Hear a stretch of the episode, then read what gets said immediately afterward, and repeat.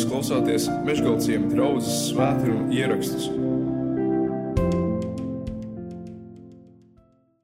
Es lasīšu vēl dažus pantus no pirmās vēstules Timotejam. Un tas ir no vieta, tās vietas, kur jums tā grāmatzīme bija ielikta mm, mazliet uz priekšu. Apostoļa Pāvila pirmā vēstule Timotejam.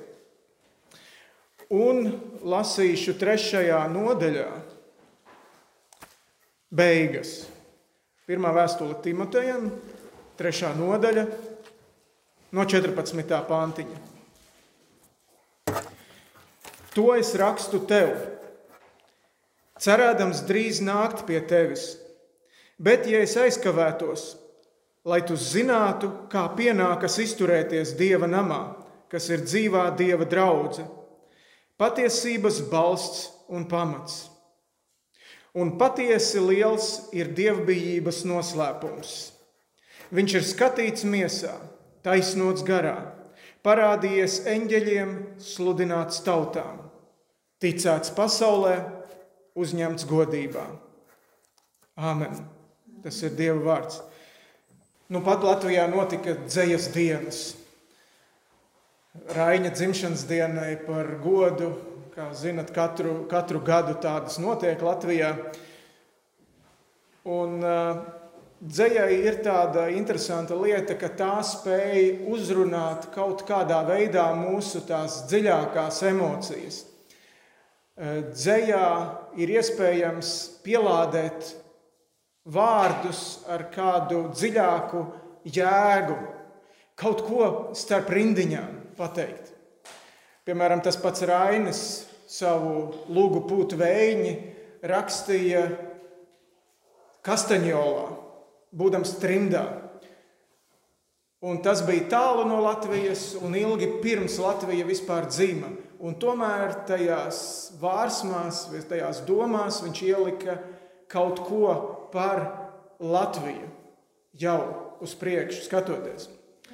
Mēs varbūt tie, kas esam vecāki gadagājumi cilvēki, atceramies arī, kā PSRS laikos eh, šeit, Latvijā, bieži vien tika izķerti tie jaunākie dzeju krājumi, izdevumi. Tie kļuva par deficītu, eh, tāpēc, ka cilvēki slāpa pēc kaut kādām šīm eh, apslēptajām norādēm, kādas starp rindiņiem būs, rindiņām būs iefiltrējuši ziedonis, vācietis, belševics.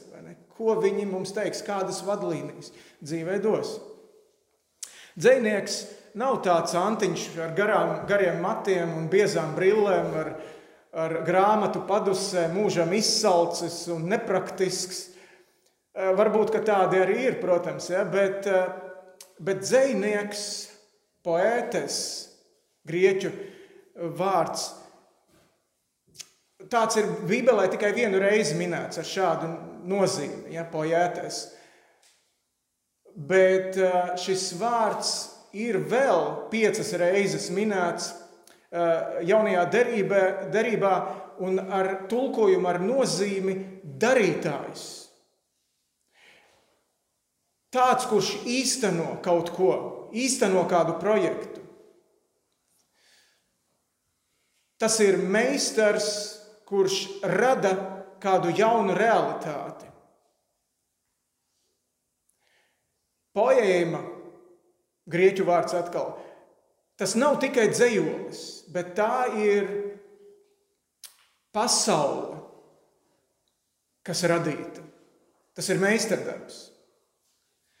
Piemēram, Romiešu vēstulē, pašā sākumā, apustulis Pāvils pirmajā nodaļā 20. pantā saka par Dievu, ka kopš pasaules radīšanas viņa neredzamās īpašības, gan viņa mūžīgais spēks, gan viņa dievišķība ir skaidri saredzamas viņas, viņa darbos, darbos, poēmā. Tas ir tas vārds. Poēma ir kosmos. Kosmos, tā vide, kurā mēs dzīvojam, elpojam, kustamies, darbojamies, tā ir dieva poēma, dieva meistardarbs. Efesiešu vēstulē, otrā nodaļa, desmitais pāns, un tur apustulis Pāvils runā par kādu citu radīšanu. Par radīšanu, kur grēcīgs cilvēks var kļūt par taisnu un svētu dievu, eh, dieva priekšā. No grēcinieka radīts par svēto. Otrā nodaļa, Efesiešu vēstulē, desmitais pāns. Mēs esam viņa darbs, Dieva darbs, Kristu Jēzu. Radīti labiem darbiem, kurus Dievs iepriekš sagatavojis, lai mēs tajos dzīvotu. Mēs esam viņa darbs. Mēs esam Dieva poēma, Dieva meistardarbs. Un kas ir šie mēs? Pēc konteksta Pāvils runā par draugu par dzīvā dievu draugu. Un par to runāsim šodien. Tad, kad Pāvils raksta šo pirmo vēstuli Timotejam, kuru es pirms brīdiņa lasīju, tad viņš pašā šīs vēstules vidū ieliek vienu dzējoli. Trešās nodaļas beigas tas ir pats vēstules vidus. Un skaidrs, ka tas ir dzējolis, jo tam ir sava uzbūve, tam ir savs ritms iekšējais. Un tad, kad ja jūs skatītos tajā grieķu oriģināla tekstā, tad tur arī viņš tā kā tāds dzējolīts ir pierakstīts. Nevis tādā tekstā kā grāmatā, bet tādā eh, pantiņā. Viņš ir skatīts miesā, taisnots garā, parādījies eņģeļiem, sludināts tautām, ticēts pasaulē, uzņemts godībā. Kāda Bībeles pētnieki saka, ka tā varētu būt arī kāda slavas dziesma, pirmās senās draudzes slavas dziesma vai ticības apliecība. Un, ja tas ir tā, tad ieklausāmies, kādus tekstus toreiz draudzene dziedāja. Cik ietilpīgus tekstus draudzene toreiz dziedāja. Un tad, ja mēs salīdzinām kādreiz ar šodienas tekstiem, kurus mēs dzirdam baznīcās dziedam, tad tās bieži vien ir tā varbūt tādas mīlas balādes, kurām, ja nebūtu tur laika pa laikam Jēzus vārds, tad mēs varētu teikt, jā, ka to var arī atskaņot uh, supernovā varbūt. Par ko tad ir šī dziesma? Šī dziesma ir par personu, kura ir dzimusi tāpat kā mēs, ienākusi šajā pasaulē ar miesu un asinīm bet tā ir nesusi mūsu grēkus uz saviem pleciem. Tā ir mirusi, bet, tā, bet caur augšām celšanos Dievs ir pierādījis, ka mēs, tie grēcinieki, caur viņa nāvi esam attaisnoti. Šī dziesma ir par valdnieku, eņģeļu un cilvēku pasaulē, redzamajā un neredzamajā pasaulē. Šī dziesma ir par labo vēsti un aicinājumu ticēt tam, kurš ir atgriezies savā godībā, no kurienes viņš ir nācis, lai dzīvotu mūsu vidū. Tātad šī dziesma ir būtībā dažos teikumos par visu Jēzus Kristus dzīvi. Un Pāvils Šo personu nosauc par dievbijības, ja varētu tulkot arī par dievišķības noslēpumu. 16. pantā sākumā un patiesi liels ir nos, dievbijības noslēpums. Bez šaubām, vispār atzīts ir šis fakts, Pāvils saka. Un šeit ir tāda kā atbalsts no notikuma, kas aprakstīts apakstuļu darbos, 19. nodaļā. Un Pāvils tur atrodas Efesā, Efesas pilsētā. Pāvils tur bija vienreiz iegriezies savā otrajā misijas ceļojumā, bet tad, kad viņš devās trešajā misijas ceļojumā, viņš trīs gadus nodzīvoja Efesā. Netipiski ilgu laiku. Parasti Pāvils ceļoja vis, visapkārt, visriņķī. Šeit viņš nodzīvoja Efesā trīs gadus. Un evanģēlijas tajā laikā tur nesa ļoti lielu uh, rezonanci. Mēs pat tur lasām, ka, no, ka, ka apstuļa Pāvila drēbes kādreiz uzlika slimniekiem virsū, un viņi tika dziedināti. Tā, tā evaņģēlīja ietekme bija tik liela Efesā tajā brīdī, ka pat cilvēki, kuri bija nodarbojušies ar dažādām burvju, un māju un horoskopu lietām, sanesa savas burvju grāmatas vienā lielā ugunskurā un sadedzināja tās. Un Lūka, kurš pieraksta to vēsturi, viņš saka, ka tur tā vērtība bija apmēram 50 tūkstoši sudraba gabalu. Neiedomājami liela summa. Cilvēki bija gatavi to visu atteikt, izmest ārā, sadedzināt. Tāpēc, ka evaņģēlīja ietekme tajā pilsētā bija tik liela tajā brīdī. Un tāpēc nav brīnums, ka Efesas sudrabkaļi uzskatīja, ka tas ir apdraudējums viņu biznesam. Ko šie, ko šie sudrabkaļi taisīja? Viņi taisīja mazus, teiksim, tādus suvenīriņus. Jo Efesā atradās viens no septiņiem pasaules brīnumiem, tā laika pasaules brīnumiem. Lielais Artemīdas templis, jeb romiešiem latīņu tajā interpretācijā tas bija Diānas templis, viens no lielajiem pasaules brīnumiem. Un šie sudrabkaļi veidoja tādus mazus suvenīriņus, kur viņi pārdeva vai ne, tos mazos tempļa maketiņus. Un šie, šie vīri Šie vīri sapulcējās un saka, vīri, jūs zināt, ka no šī darba atkarīga mūsu labklājība. Un jūs redzat un dzirdat, ka šis Pāvils nevien Efezā, bet gan arī visā Āzijā ar savām runām novērsis daudz ļaužu, sacīdams, ka tie nav dievi, kas rokām darināti. Mums draud ne tikai tas, ka šī nozare zaudē savu nozīmi, bet arī, ka augstās dieves Artemīdas templi nonicinās un iznīks viņas varenība, ko pielūdz visa Āzija un visa pasaule. Un tad viņi skrien uz to templi, ne, nevis uz templi, bet uh, amfiteātri, kur tauta sapulcējās, tautas sapulcēs. Viņi skrien, viņiem ir uh, liela demonstrācija, viņiem ir praids. Un viņi sapulcējās un divas stundas kliedz, varana ir efesiešu Artemīda. Varana ir efesiešu Artemīda. Varena ir efesiešu Artemīda. Kur atrodas Timotejs tajā brīdī, kad Pāvils viņam raksta šo vēstuli? Un to mēs izlasām vēstules pašā sākumā, trešajā pantā. Jau iedams uz Maķedoniju, esmu lūdzis tevi palikt Efesā.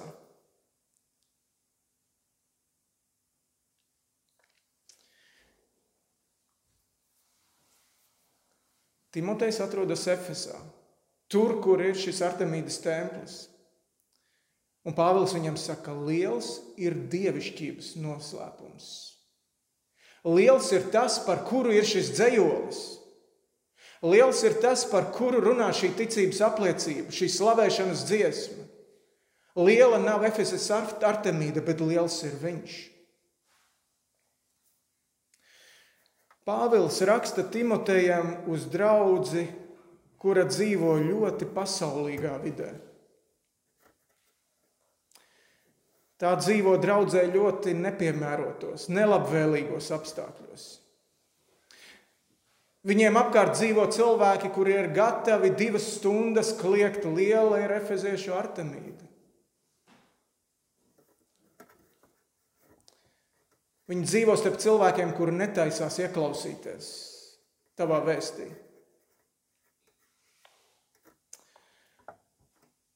Tas izklausās šodienīgi, vai ne? Arī dažos aspektos. Es domāju, ka daudzi mūsu līdzcilvēki tieši tāpat ir lepni uz savām artemīdām un ir ļoti pašpietiekami. Es dzīvoju, kā es dzīvoju, un lietas man mierā. Gribam mēs to vai negribam, mēs dzīvojam tādā postkristietības uh, laikmetā. Aizvien biežāk mēs piedzīvojam to, ka cilvēkiem pietrūkst bijības pret garīgām lietām, pret kristīgām lietām. Kādreiz jau bija, pat ja tu nepiekrīti, ne, tad tu tomēr ar tādu nu, zini, cieņu izturies pret baznīcu vai pret garīdzniekiem un, un, un tā, kristiešiem. Bet šobrīd arī ir tā sajūta, ka daudzreiz ne, kristieši tiek uzskatīti nu, par tādiem dīvainīšiem.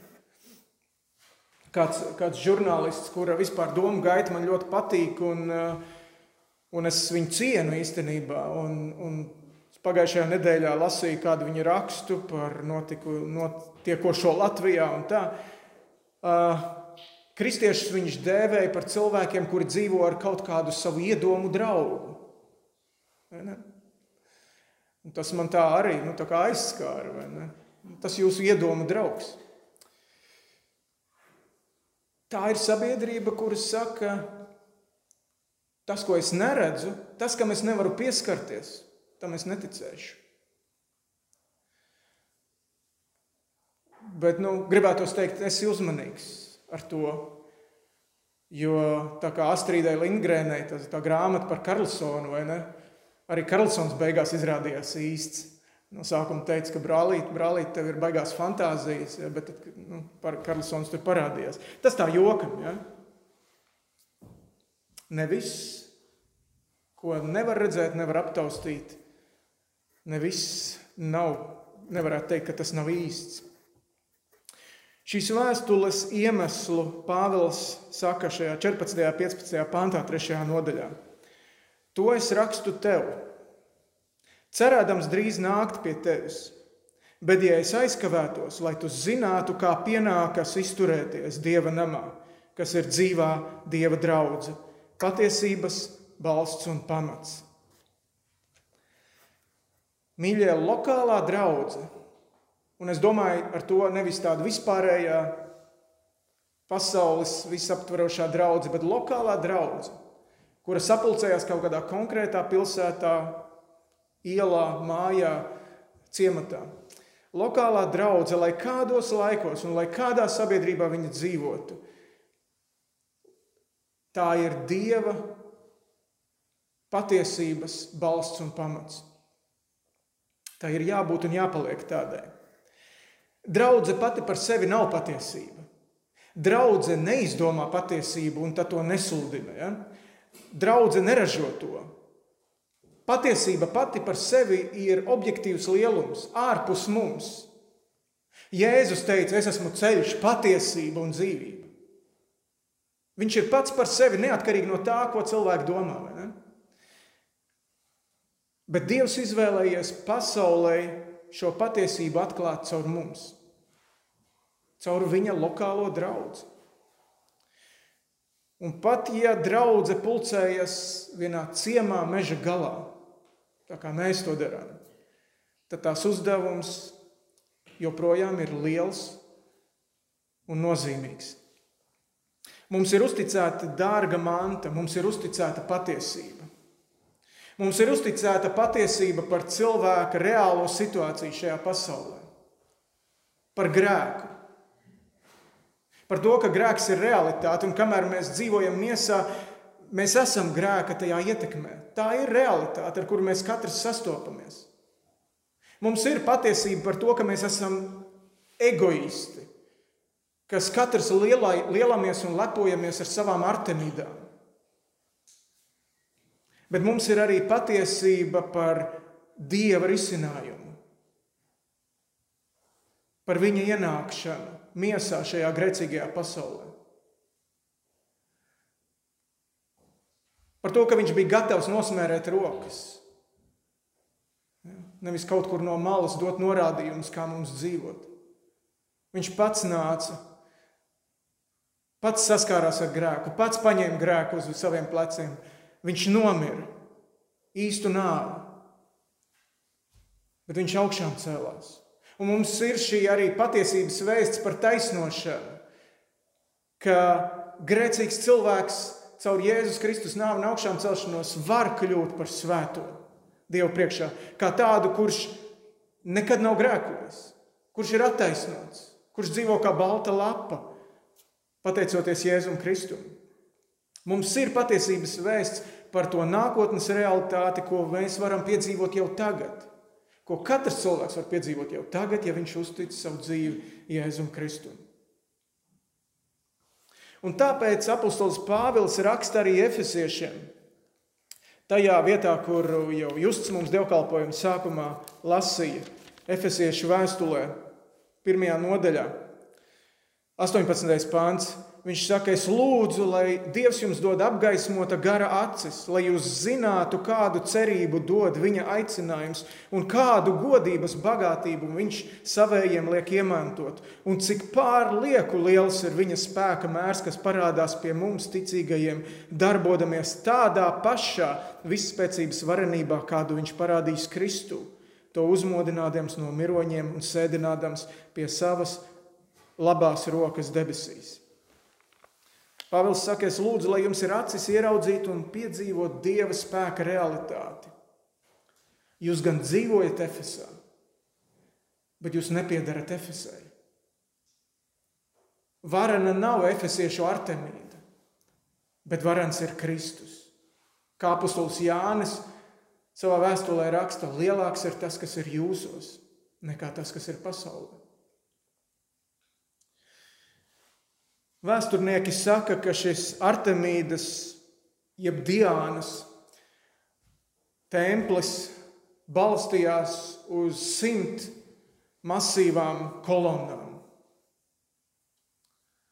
Un virs ieejas tur bija tāds milzīgs akmens, kuru, kuru pēc leģendas tur bija nolikusi pati šī dieviete. Bet ir gājuši gadsimti, Un šis templis ar visiem saviem simt balstiem ir sabrucis. Un ir palikusi tikai vēsture. Šodienas Turcijas teritorijā tur var apskatīties, ir nu, daži varbūt tādi pāļi palikuši. Kā ir ar draugu? Kā ir ar to patiesību, kuru mēs balstām? Patiesība jau nemainās. Patiesība ir. Tāpēc, ka Jēzus ir kaut kas neatkarīgs no mums. Vai Bet vai patiesības balsti, vai mēs esam stipri un stabili, vai mēs neļogamies? Vai mēs patiesību ne tikai zinām, ne tikai tai ticam, bet arī to izdzīvojam savā ikdienā? Jo mēs dzīvojam laikmetā, kurš piedāvā daudzas jaunas pēdiņās patiesības. Patiesas var būt viss, ko vien tu iedomājies. Bet draudzene balsta to seno un mūžam aktuālo patiesību, ka Dievs tā ir mīlējis pasauli. Dievs tā ir mīlējis tevi un mani. Dievs tā ir mīlējis grēciniekus kad devis savu vienpiedzimušo dēlu, lai neviens, kas viņam uzticās, nepazustu, bet dabūtu mūžīgo dzīvību. Un katrs, kurš sevi pieskaņo šai patiesībai, nevis patiesību pieskaņo sev, tas iegūst patiesu brīvību. Jo atemīda nav varena. Varens ir Kristus. Lūksim Dievu! Debes Tēvs, es lūdzu par to, lai draudzene atceras šo lielo patiesību. Tu esi varens, tu esi patiesis. Un mēs lūdzam, ka mēs kā draudzene nesamainām šo lielo dižo patiesību sīknaudā. Un es jau lūdzu, ja kāds arī šodien atrodas šeit un nepazīst patiesību, kas dara brīvu, Tas, lai turpina meklēt, lai turpina klauvēt, lai turpina lūgt, jo katrs, kas meklē, atradīs, kas klauvēs, tam atvērs, un kas lūgs, tas dabūs. Jēzus vārdā to lūdzu. Āmen!